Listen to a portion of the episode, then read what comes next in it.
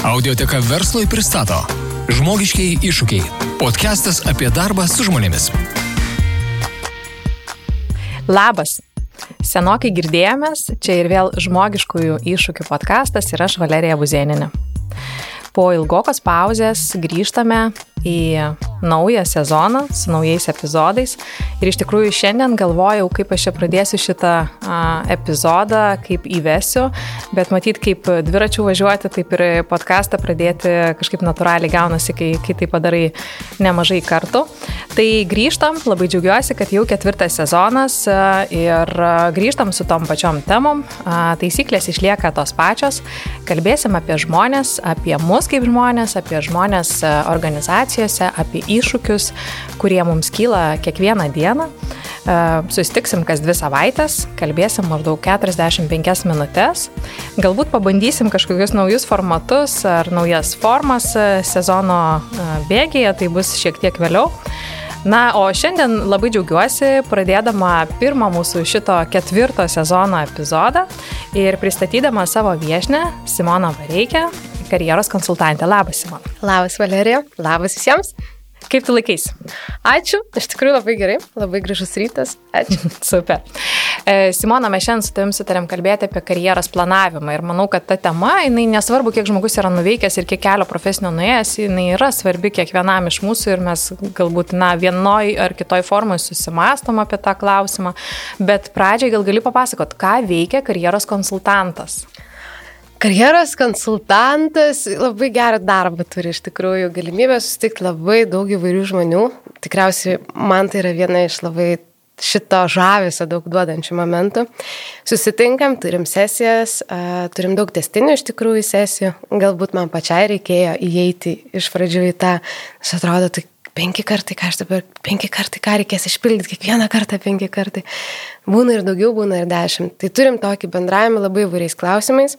Dažnai tai būna klausimai, kai žmonės nori keisti darbą. Dar dažniau būna klausimai, kai žmogus sako, jaučiu, kad nebegerai. Mhm. Kūnas sako, kad nebegerai, jaučiu, kad nuotaikos nebeturiu, bet nežinau, kas turėtų būti toliau. Būna klausimai, kai susitvarkom šituos dalykus, sako, dabar padėkime atlyginimą pasikelt, kaip man iškomunikuoti ar ką padaryti. Tai palydinčių klausimų būna labai įvairių, arba kaip uždaryti bandomą laikotarpį pokalbį, apie ką turėčiau pareflektuoti, galvojant apie ateitį. Tai čia tokie palaikantis klausimai, bet pagrindė tai tokie tikriausiai du blokai. Noriu keisti, ar galėtum padėti, arba noriu suprasti, kas toliau gyvenime. Mhm. Super, ačiū. Tai kalbant apie karjeros planavimą, e, Simona, kaip tu manai, ar karjera gali būti suplanuojama, ar jinai tiesiog va taip natūraliai nutinka mhm. žmogui? Mhm. Ir taip ir taip tikriausiai. Dažniau tikrai nutinka, kas irgi nėra blogai. Ypatingai jeigu žmonės supa labai gera aplinka, aš labai geri vadovai, kur ateina daug grįžtamo ryšio žmonėm, kai jiem padeda supras, kur tavo stiprybės ir palydi, pakreipia, galbūt kai žmogus pats nežino, tai tegul ir nutinka, jeigu žmogui yra faina ir jam padeda ir jis auga, jis jaučiasi laimingas, valio, tegul nutinka. Susiplanuoti irgi yra labai gerai retai iš tikrųjų sutinku, kur žmogus ateitų ir sakytų, va, aš žinau, kad po šešių metų, keturių metų, nesvarbu, ta trukmė kiekvienam yra skirtingai, um, noriu būti konkrečiai tas ir tas, nes per tos keturis ar šešis metus atsiranda žiauri daug naujų pozicijų, kurių dabar nėra, ar mes Taip. net nežinom, kad atsiras poreikis ir panašiai.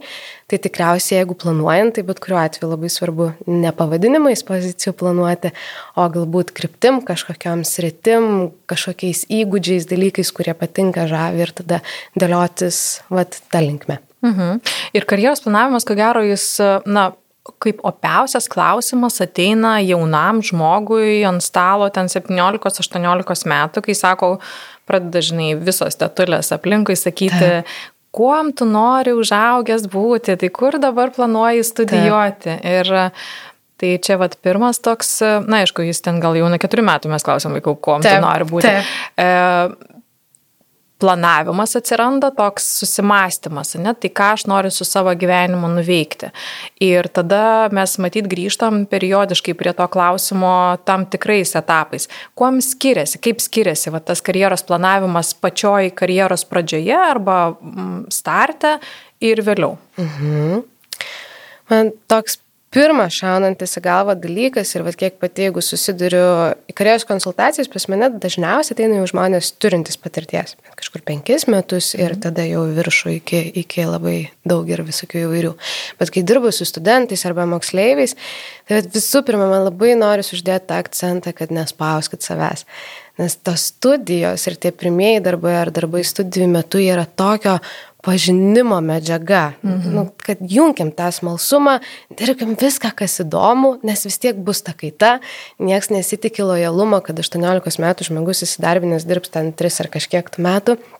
Tirkim, reflektuokim, tik tegul na, nebūna toks, nu, padirbsiu čia truputėlį, išeisiu ir tiesiog bandykim suprasti, kas patinka, kur, kur įdomu, kur atsiranda ta flow kažkokia būsena ir panašiai.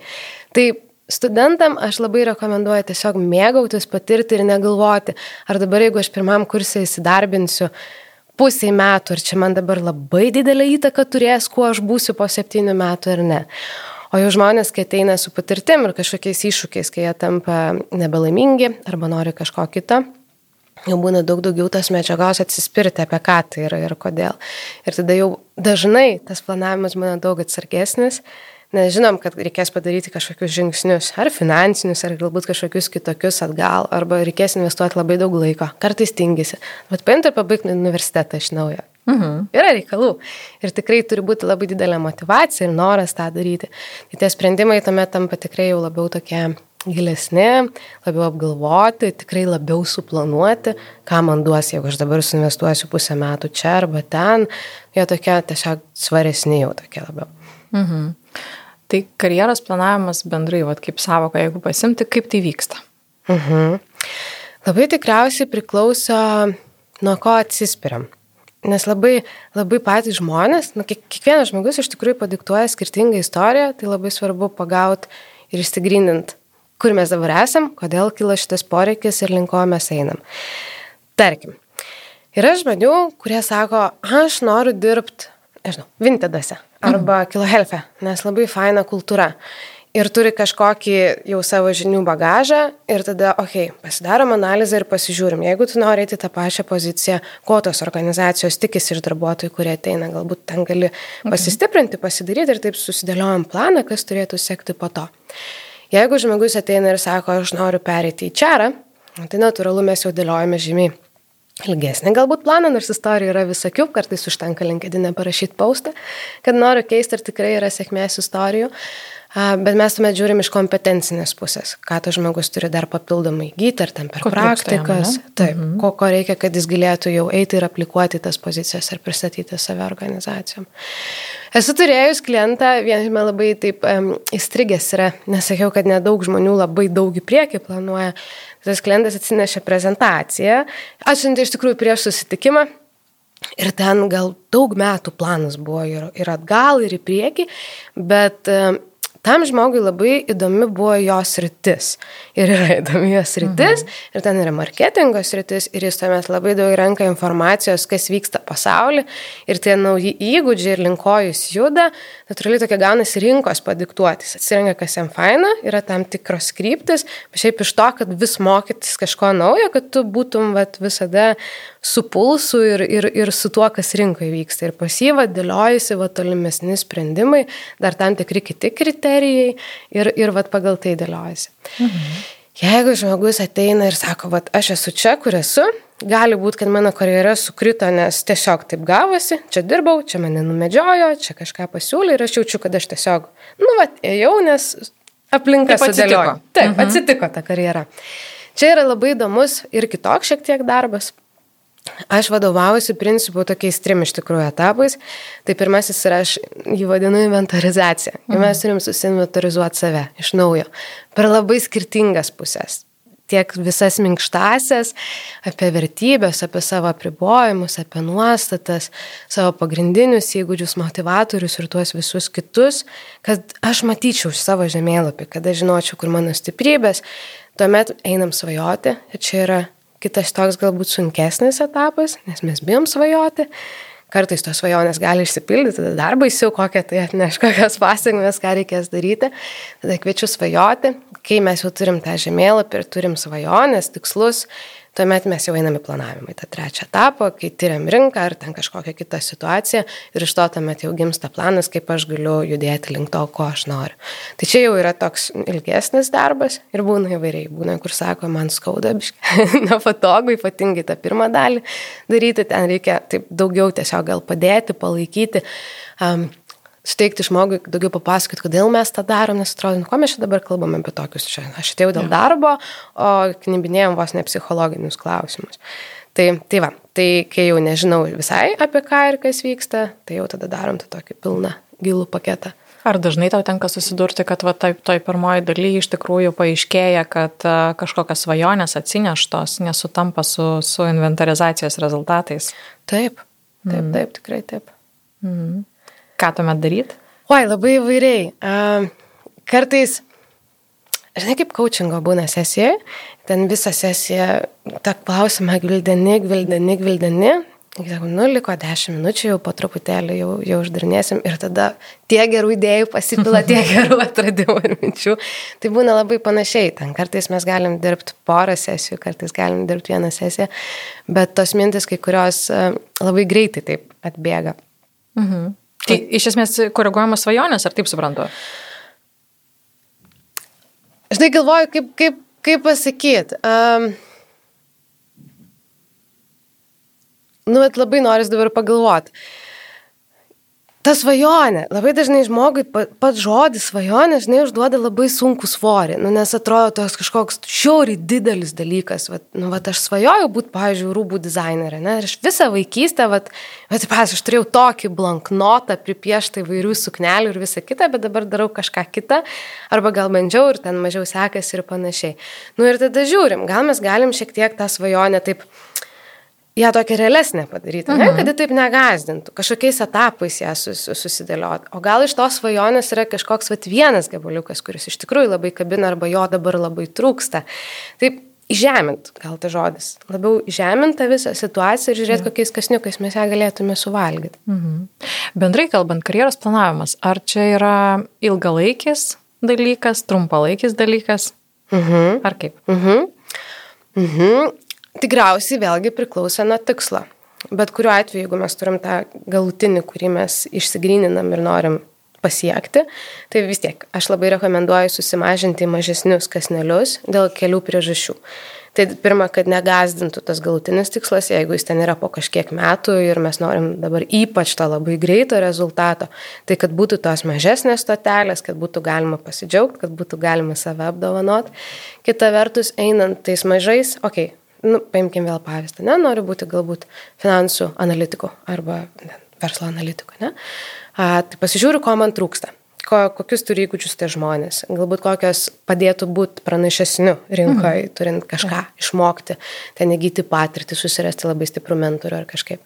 Ir, okei, okay, tarkim, trys kažkokios stotelės iki galutinio tikslo ir kai aš prieinu pirmą stotelę, gal aš gausiu kažkokios labai naujos informacijos, kuri paims ir pakeis.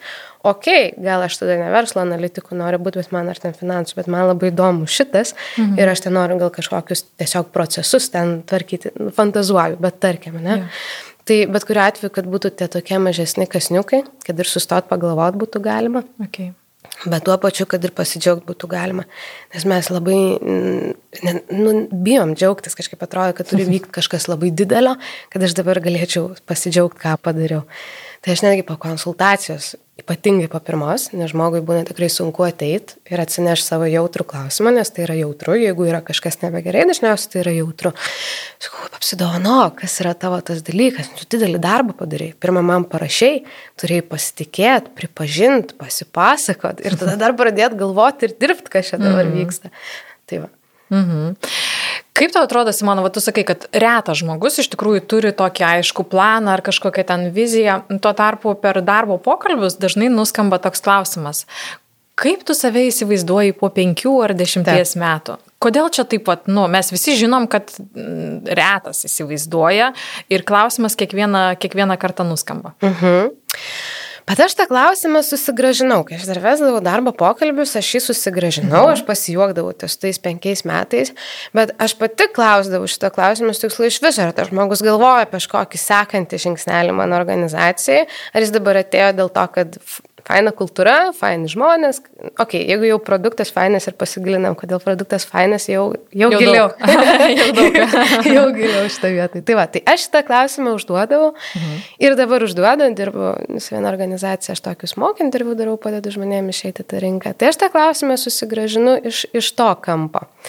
Bet nieko kita vertus, ne, tai irgi gali atiduoti momentą tiesiog pažiūrėti, kaip žmogus galvoja, nu ką jis mhm. apie tą karjerą galvoja. Tai nebūtina turėti ir žinot, kuo aš būsiu. Aš ir dabar, aš irgi nežinau, kuo aš būsiu po penkių metų. Aš nežinau, kuo aš būsiu tikriausiai po trijų metų, nes mhm. va, per porą metų, kiek daug įvyko mano pasikeitimų karjerai. Tai tiesiog tai gali būti kampas irgi tiesiog pakalbėti ir pasidalinti ja. ir pasižiūrėti. Man tai šitas klausimas, aš jį irgi labai mėgstu ir kartais, na, taip žinai, sarkastišką šypseną pamatai kandidato vydę, bet šitas klausimas jis iš tikrųjų leidžia išlūkštenti motivaciją. Mhm. Nes E, tarkim, ypatingai su vadovaujančių pozicijų žmonėmis, jeigu tu, tu klausi, vat, nu, kaip toliau, ne, nebūtinai ten 50, bet kaip tu įsivaizduoji savo karjerą Taip. toliau, tai tu tada gali padiskutuoti, okei, okay, žiūrėk, bet šita pozicija, kur tu dabar kandidatuoji, jinai nėra visai tai, ką, ką tu įsivaizduoji, ką tu norėtum turėti, tai papasakok man, kaip jinai prisidės prie tavo sėkmės kelio, ne, Taip. ką tu čia gausi, kad tau padės pasiekti tavo tą galutinį tikslą. Ir tada, jeigu tu kaip darbdavys arba kaip rekrūteris, Taip tu matai, kaip žmogus argumentuoja, kad man šitas pakeliui, man šitas labai įdomu, šitas mane praturtins. Tu girdi papildomą motivaciją, kodėl žmogus norėtų būti šitoj pozicijoje, šitoje organizacijoje ir kaip ką jis iš ten pasims. Taip, taip, tai klausimas iš tikrųjų, ne, nenuvertinkim jo ir jis, ir kiek ilgai naudojamas ir šabloniškas, bet uh, sakyčiau, kad darbo pokalbiai jisai uh, gali būti naudingas. Mes šiek tiek pradėjom dar Simono jau kalbėti apie tai, uh, kaip darbdavys įeina į žmogaus karjeros planavimą. Kaip tu manai, ar čia uh, svarbu darbdaviui žinoti žmonių karjeros planą, ar gali darbdavys turėti kažkokią įtaką karjeros planui ir kažkaip galbūt netgi padėti žmogui tą planą susidėlioti? Mhm. Aš manau, labai gali. Nors Bet kuriuo atveju ambasadorė aš esu, kad mes esam patys savo karjeros kalviai, nes niekas taip gerai nežino, kaip mes patys galim žinot, ko mes norim ir ten smulkių momentų gali būti, kurie labai keičia pasirinkimus. Bet organizacija tikrai gali padėti ir labai skirtingais momentais gali padėti. Pavyzdžiui, pirmas ir irgi labai minkštas dalykas tiesiog pirmą tikrai išgirsti, ką žmonės sako. Nes yra žmonės, kurie tikrai sako. Ir e, visai neseniai irgi turėjau klientę, kuri perėjo iš vienos organizacijos į kitą į labai panašią poziciją, bet pasikeitė sritis ir ir kultūra. Ir prieš tai organizacijai jis turėjo labai gyvę grįžtamą ryšio kultūrą. Mhm. Ir sako, ir okei, okay, mūsų skambučius rašinėdavo, juos klausydavo kokybės skyrius ir aš gaudavau labai aišku grįžtamą ryšį, ką aš darau gerai, ką aš blogai. Ir tam žmogui tai yra svarbu, nes jis nori aukti kaip profesionalas ir jai yra svarbu, nes jai įdomu tą daryti. Šitoje organizacijoje, kur dar netgi pasikeitė sritis ir nežino viso to verslo lauko iki galo Sako, kai man sekasi, aš nesijaučiu gerai. Sako, ko tu klausi? Viskas yra labai gerai, ko tu klausi iš viso? Viskas labai gerai, tu darai rezultatus. Ir sako, ir aš einu, ir aš klausiu, ir klausiu, nes man reikia to grįžtamo ryšio, tai man yra augimo priemonė. Ir labai dažnas yra šitas variantas, ypatingai, kai žmonės nori eiti tą gilį dar pozicijos, jam grįžtamasis ryšys yra labai svarbu. Ir kartais mes nuo jo pabėgam. Kitas momentas yra darbuotojų veiklos vertinimo pokalbė, ar kaip jie būtų be pavadinami, ar ketvirtinė, ar kažkokie. Mm, yra vienas dalykas, žmonės bijo kalbėti apie savo karjerą, nes dažnai galvoja, okei, okay, aš esu šitoj dabar pozicijoje ir pasakysiu, kad noriu kitoj. Ir jeigu man neduos, arba sakys, aš tu juokauju, man net leis. Nu, visokių būna iš tikrųjų prielaidų. Bet Ir iš mokymų pusės, kai vedu organizacijų mokymus apie one-on-one -on -one pokalbis darbuotojų veiklos vertinimo, aš labai dažnai jaučiu, kad norim pabėgti nuo tų minkštųjų klausimų ir, ir, ir pribėgti prie to, kaip man tam žmogui reikės pasakyti, kad aš jam atlyginimo nepakelsiu. Ir labai tikrai jaučiu, kad, nu, vat reikia stabdyti ir okay, dabar žmogui tai yra svarbu ir su juo reikia kalbėti ir ugdykime kompetencijas, kaip kalbėti apie tą karjerą, nes vieni yra drąsesni, kiti mažiau drąsūs. Ir tikrai rinkoje matau, kad jau daugėja e, vidinių karjeros konsultantų mhm. turėjimas ir tų užklausų ateina vis daugiau iš mokymų pusės ir, ir, ir aš labai džiaugiuosi, nes yra ta, mm, yra ta prielaida tokia rinkoje Ir aš ją tikrinuosi ir vis bandau tų visokių kampų atrasti, kad išorinių karjeros konsultantų nenori įsileisti organizaciją, nes yra prielaida, kad aš dabar pakonsultuosiu žmogų ir jis išeis. Pabėgsiu. Šitas tiesiausias. Nors dažniausiai tai yra visiškai atvirkščiai. Labai dažnai žmonės, jie kaip tik ateina pasigrininti, kur jie toliau galėtų eiti organizacijoje, mm. kaip paprašyti sukurti naują poziciją. Viena organizacija labai guvi yra ir aš daug turiu klientų iš, iš tos organizacijos, sako, kai aš tą išmokau, aš jau tą esu padarius, man yra labai įdomu dar tai. Ir mes dar pakapstam, kaip labiau ryšti ir tada jau turėdami tą sakinio ar žinutės struktūrą, žmonės jau uždrįsta ateiti ir sako, okei, okay, aš noriu, kad man susikurtų pozicija, aš noriu va tą padaryti ir tuomet organizacija atsilieps taip, tai ir tai. Ir tai veikia ir žmonės gauna. Tai vat, lygiai tą patį vadovai gali padėti savo žmonėm patys paklibinti tuos klausimus, nes dažnai mes patys net nepagalvojam, kad iš viso, pavyzdžiui, egzistuoja galimybė sukurti man naują poziciją, mm. kaip pavyzdžiui, ne? arba aš ten visiškai noriu keisti padalinius.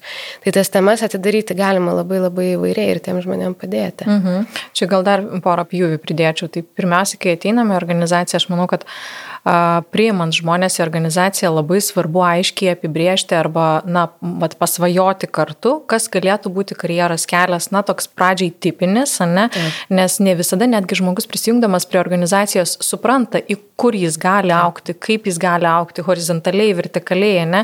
E, kokią tikimybę, kad jis auks. Tai vad nupiešti scenarijus skirtingus ir tada jau aš labai tau pritariu, kad labai daug lieka visgi vadovo rankose, kalbant atvirai su žmogumi, galbūt išvelgti, kur yra jo stiprybės, kur jo yra susidomėjimas ir aistra ir arba paskatinti ir leisti, nes tai būna sunkiausia dalis - paleisti žmogų į kitą skyrių pas kitą vadovą, ne, būtent sutarpininkauti kartais tą daro įčiaras, kartais tai padeda pats vadovas ar pats žmogus e, pirmiausiai drivina, ne.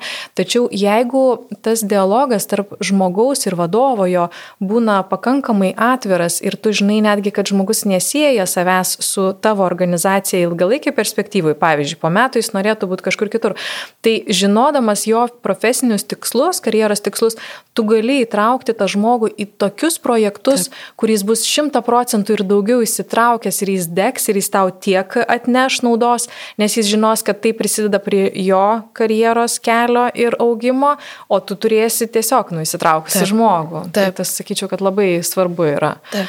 abiem pjūviais. Mhm. Aš gal vieną, beklausant tavęs e, istoriją, online turėjau konsultaciją, labai greitai suorganizavom, mm, degė, reikėjo padėti. Ir jo prisijungė žmogus ir ten dalį konsultacijos mums reikia paverkti, atsigauti, iš viso išdrįsti kalbėti ir panašiai. Nu tikrai labai toks daug prisikaupė žmogui, daug labai bandyta investuoti, bet neišeina, nesusikalba, nes nėra dialogo, nes nesusikalba organizacijai žmogus.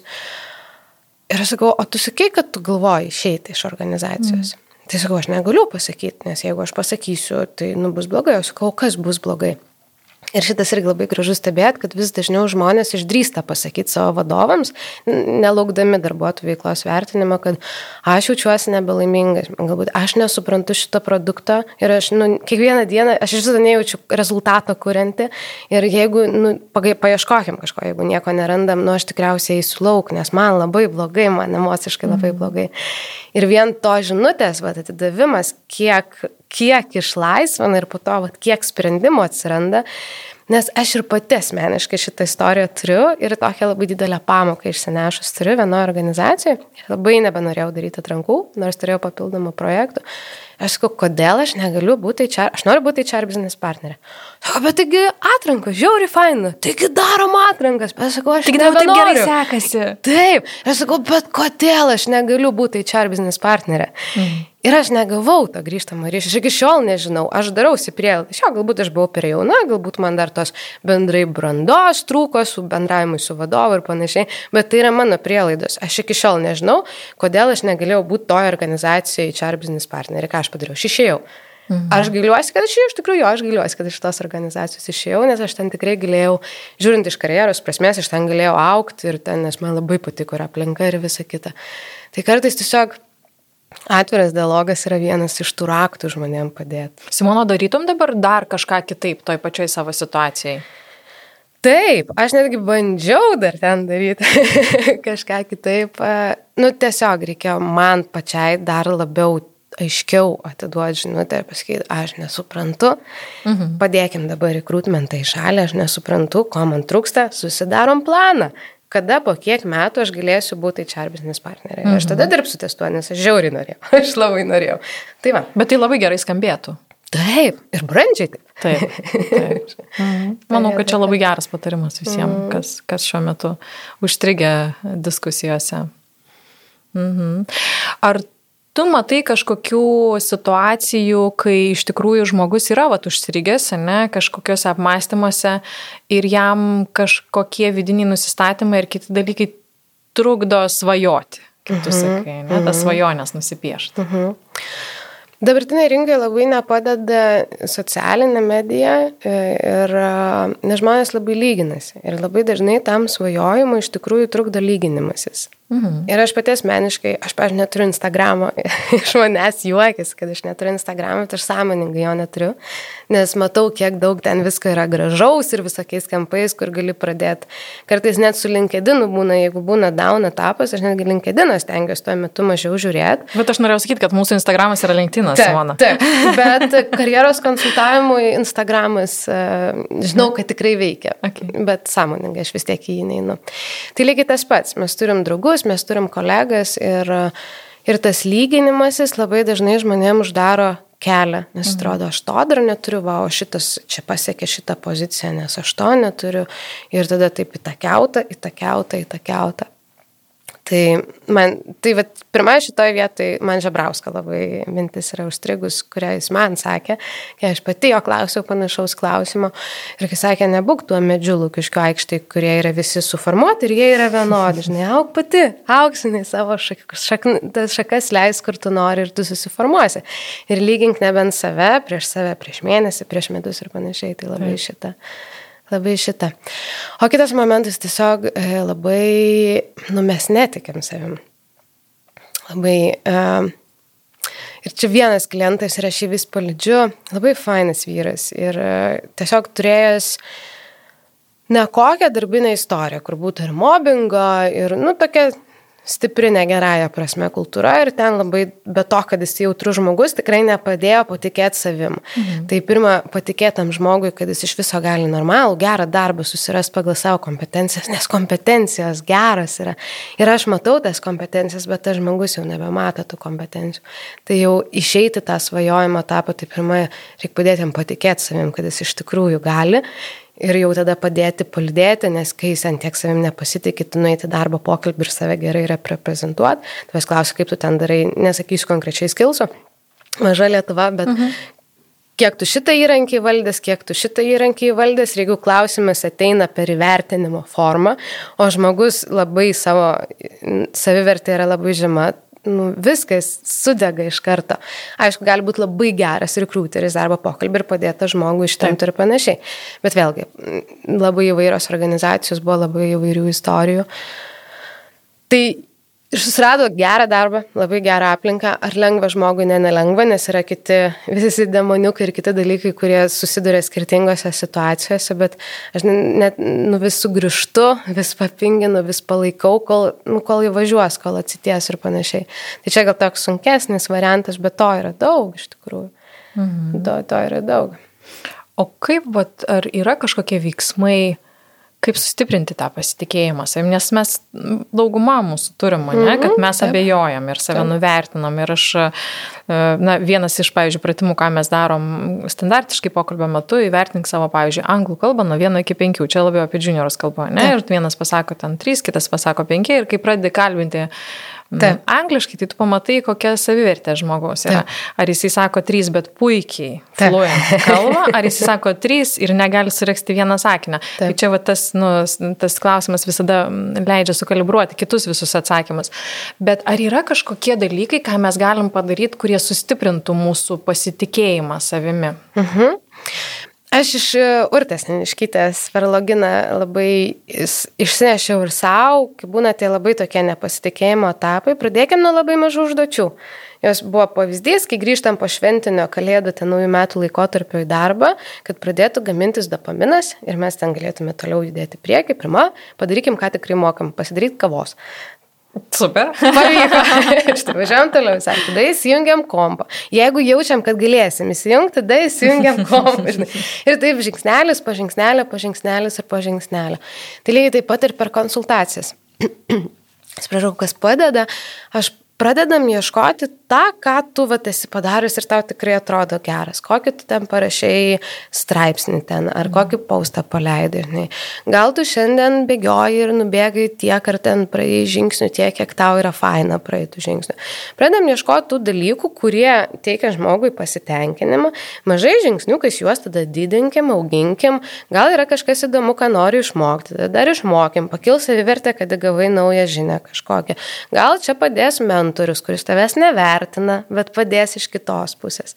Tai va, Taip. tai va, po truputėlį, po truputėlį svarbu, kad tais mažai žingsneliais, kad kai yra sunku, tu nekeltum dar kažko labai stipraus savo, jau čia nesiseka, tai dar uždėsi čia ant viršaus savo, kad mhm. būtų sunkiau. Mhm.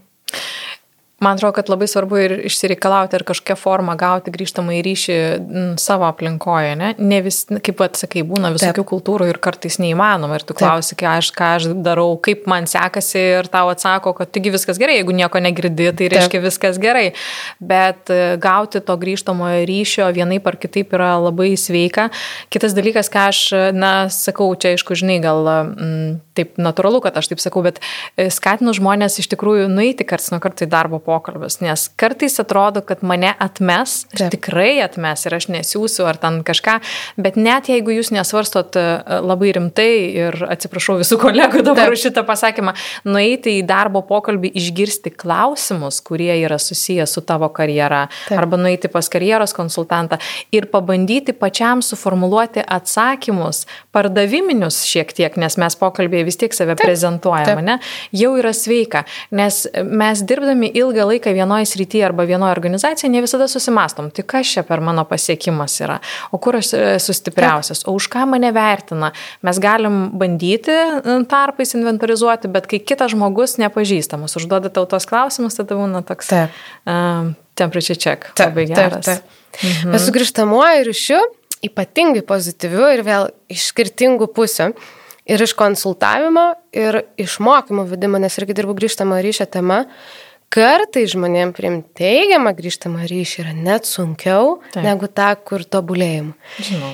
Ir duodu tos namų darbus ir savo klientam, okei, okay, pasidarom sąrašą, iš ko tu susirinksi grįžtamą ryšį, ypatingai to inventorizacijos daly, kad gautum daugiau šaltinio, daugiau informacijos.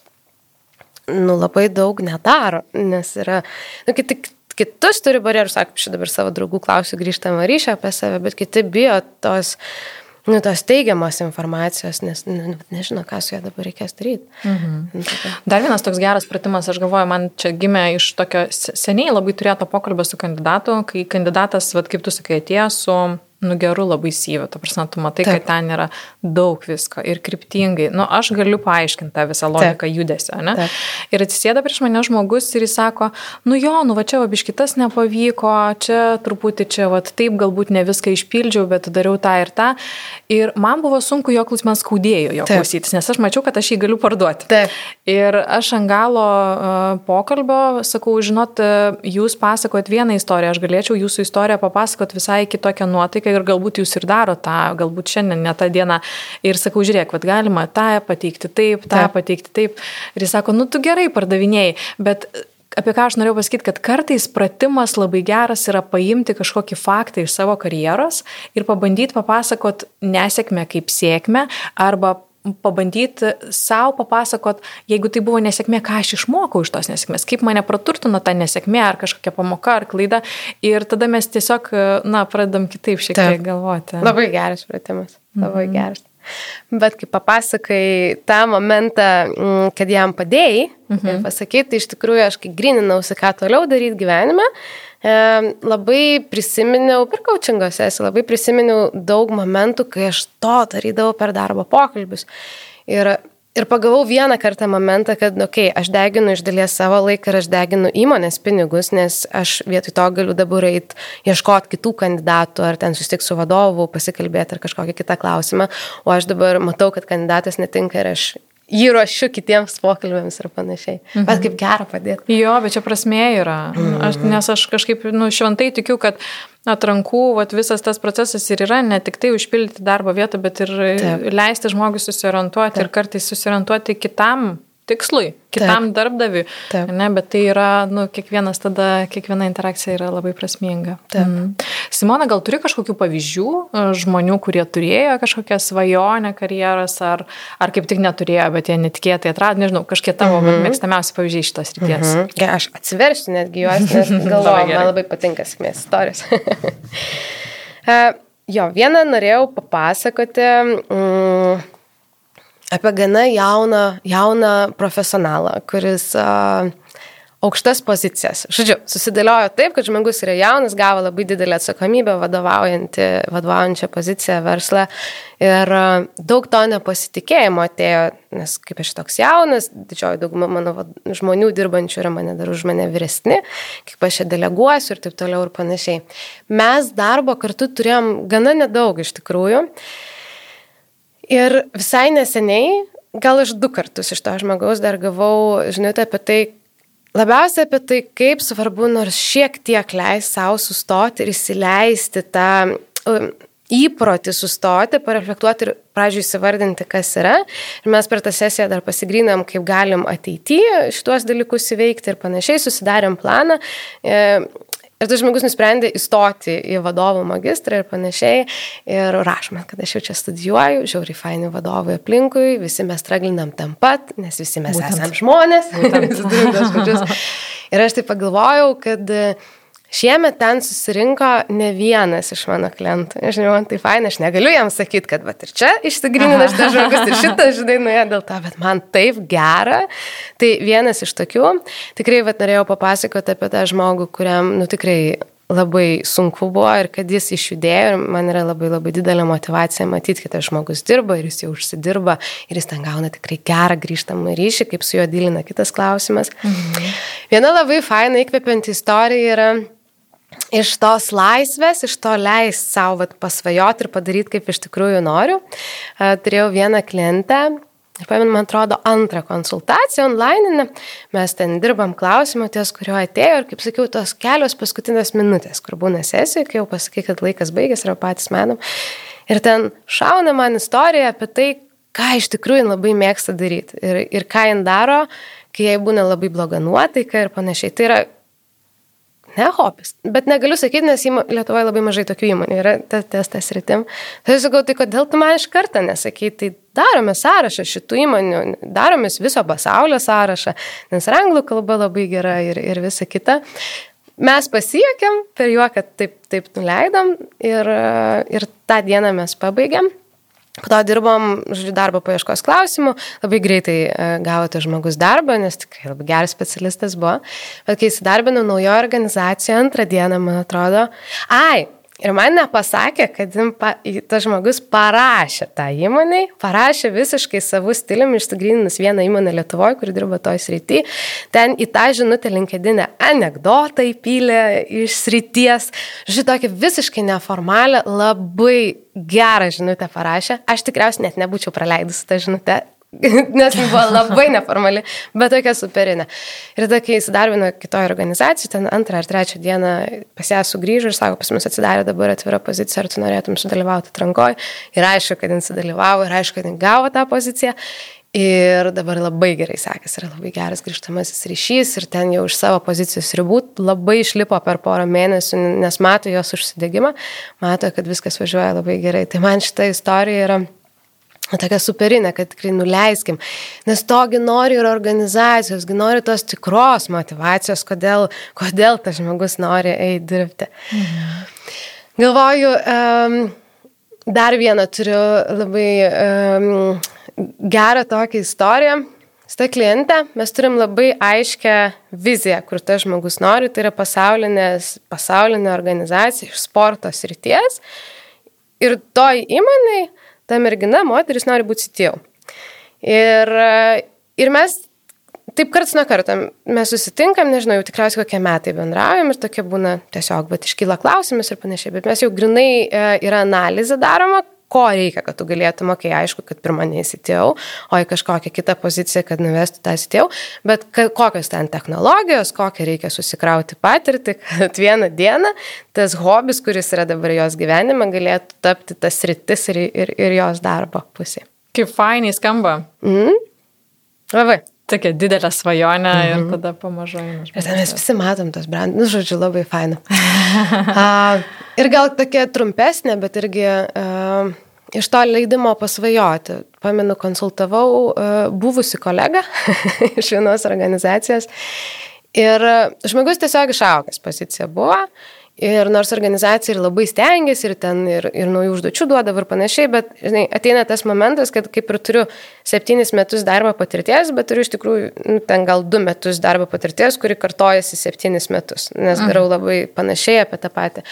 Ir žmogus irgi puikūs įgūdžiai, nes produktas labai geras ir ten tikrai galima lipti iš Lietuvos, eiti visą pasaulį. Tai sako, tai kaip dabar man čia viso pasaulio rinkos inventorizaciją pasidaryti, nes viena iš užduočių, kurią irgi duodu, nu, kad atsirastų tas shortlistas ir aiškiai motivacija, kodėl aš noriu tą organizaciją eiti. Ir irgi, viskas labai faina, Amerikoje gavo darbą. ir, ir taip, ir atrodo, mes atsisveikinam ir aš visada klientams sakau, sugrįžkit, pasidalinkit, man žiauriai įdomu, nes kažkiek jų aš tikrai pati sakau. Tiesiog toks šaltas laiškas vieną dieną ateina, nu, tai labas Simona, susiradau va darbą Amerikoje, viskas labai gerai, tuos tikslus, kuriuos reikėjo pasiekiau, dirbau, ačiū. Jėgaš.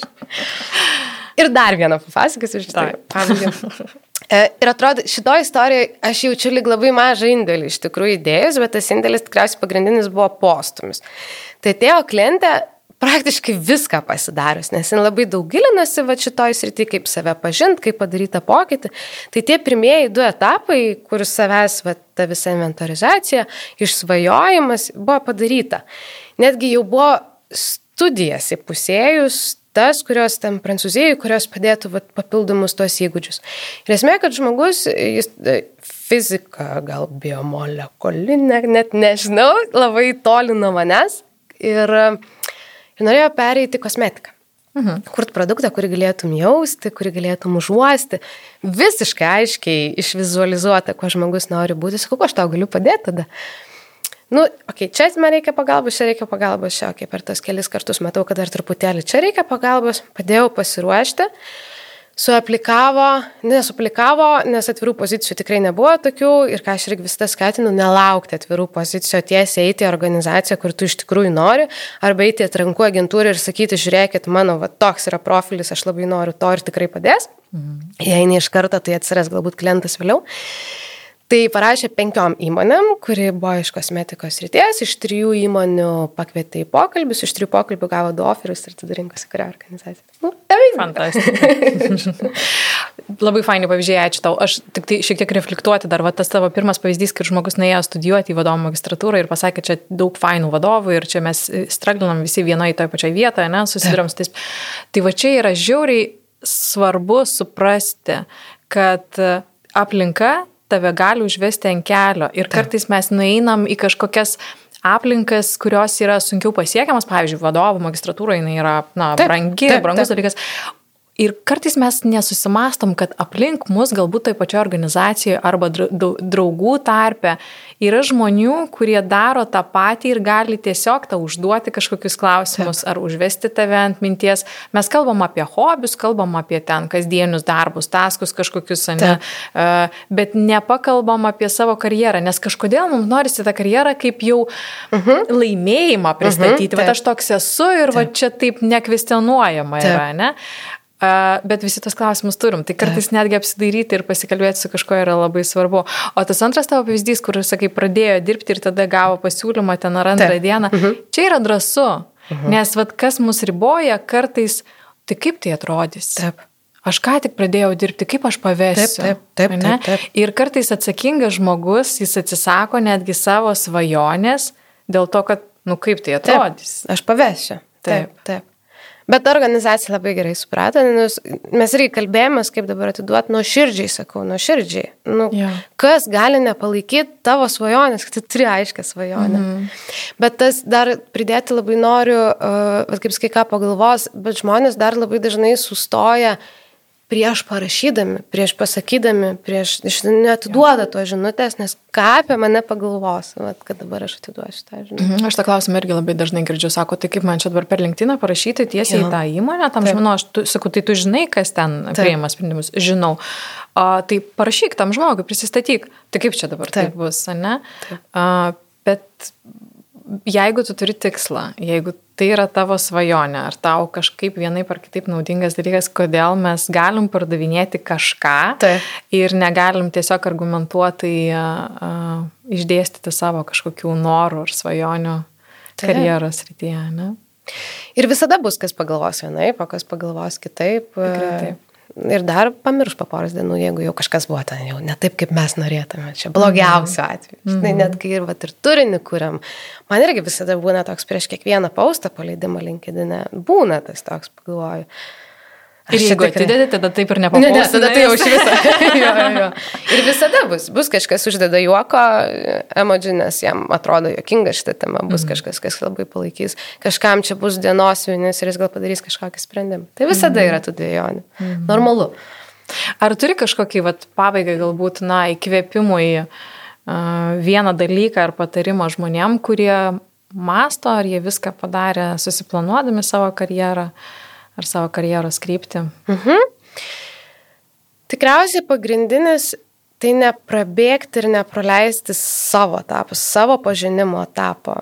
Nebijoti skirti laiko savo ir pagalvoti, kas aš esu dabar, nes mes keičiamės, aplinka keičiasi ir ten, kokie mes buvom prieš porą metų ir kaip dabar gali būti labai didelis skirtumas ir prioritetuose, ir vertybėse, nu, ne radikaliai vertybėse, bet vis tiek. Tai gal išbėgant tvarkytis gyvenimo aprašymų, linkedinų ar ten darytis vat įmonių sąrašai, kurias norėtų aplikuoti, visų pirma, tai pradėti nuo savęs, kad labai gerai suprast, pažinti, įsivardinti, kur mano ribos, kas man yra svarbu ir nuo to atsispirti ir tame daryti kitus žingsnius savo karjerai. Mhm. Aš dar pridėčiau, kad iš tikrųjų, na, pasvajoti, kaip Simona sako, ne, apie tą didelį tikslą ir tada tą savo karjeros trajektoriją, kuri mus ištinka, matuotis pagal tą didelį tikslą ir kiekvieną kartą tiesiog atrasti galbūt net tos pozicijos ar tie etapai, kurie, na, ne visai gal tiesiogiai susiję su mūsų dideliu tikslu, būtent atrasti sąmoningai, kas yra tie dalykai, kurie prisideda prie mūsų didelės svajonės. Tai ačiū labai, kad pasidalinai tokiais nuostabiais pavyzdžiais ir savo patarimais ir tikiu, kad e, kiekvienas atras kažką savo šitam pokalbį. Ačiū. Dėkui, kad klausėt ir iki sekančio karto. Jūs klausite podcast'o Žmogiškiai iššūkiai. Kad nepraleistumėte naujų epizodų, kviečiame prenumeruoti laidos naujienlaiškį adresu žmogiškiai.lt. Podcast'ą prenumeruoti taip pat galite per Apple Podcast, Google Podcast, Spotify, Stitcher ir kitose platformose. Laidos partneris Audioteka verslui. Nuolatinio tobulėjimo kultūra jūsų organizacijoje. www.audiotekaverslui.lt